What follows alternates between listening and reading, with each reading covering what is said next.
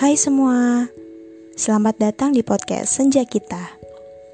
Sebenarnya podcast ini sudah dua bulan berjalan dan hanya saya upload di Spotify. Beruntungnya, belakangan ini saya mendapat respon yang baik dari pendengar-pendengar saya yang mengantarkan podcast Senja Kita ke dunia YouTube. Terima kasih untuk kalian yang sudah menjadi pendengar setia podcast Senja Kita. Saya harap kalian gak bosan mendengar suara saya. Hmm?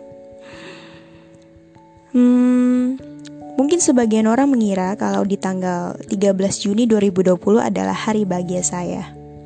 Namun tidak. Malah saya menyambutnya dengan kesedihan.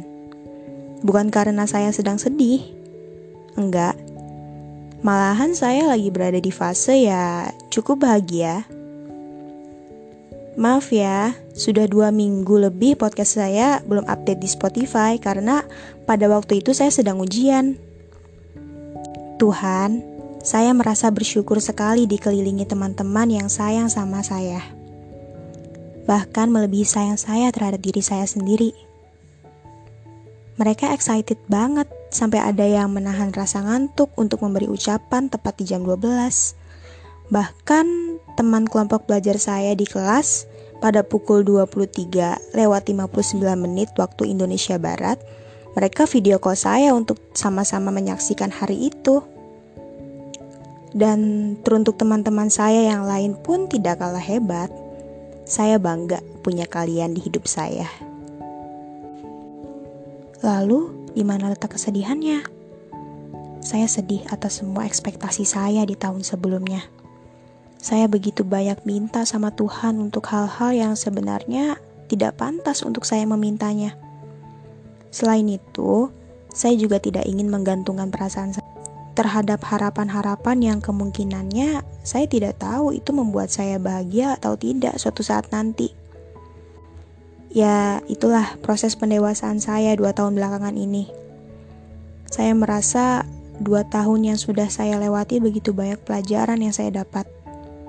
Penuh dengan kesedihan, air mata, terluka, kecewa sama ekspektasi diri sendiri, dan pastinya banyak hal yang membuat saya jadi sadar bahwa semakin dewasa, semakin banyak hal-hal yang dulu bagi saya itu sangat berharga dalam hidup saya, tapi sekarang hanya sebatas pikiran sesaat. Untuk itu, saya nggak mau buat diri saya kecewa lagi untuk ke depannya. Bagi saya, arti hidup itu bukan ketika kita sudah mencapai tujuan yang diangan-angankan Hidup itu penuh misteri. Kalian pasti pernah kalau lagi bengong terus tiba-tiba muncul pikiran aneh yang kalau dipikir secara logika aja nggak mungkin banget terjadi gitu. Namun takdir berkata lain. Bahkan pikiran yang datang dan pergi gitu aja malah menjadi sesuatu doa yang mustajab. Beda hal kalau kita sudah merencanakan semuanya dengan matang, penuh persiapan, penuh keyakinan, keyakinan bahwa secara logika ya memang akan terjadi dan kemungkinan gagal pun tidak ada. Dan akhirnya berujung pada sebuah kekecewaan malah. Hmm. Aneh ya. Makanya saya nggak mau lagi buat diri saya bergantung pada harapan-harapan yang nantinya menjatuhkan saya ke jurang kekecewaan saya sendiri.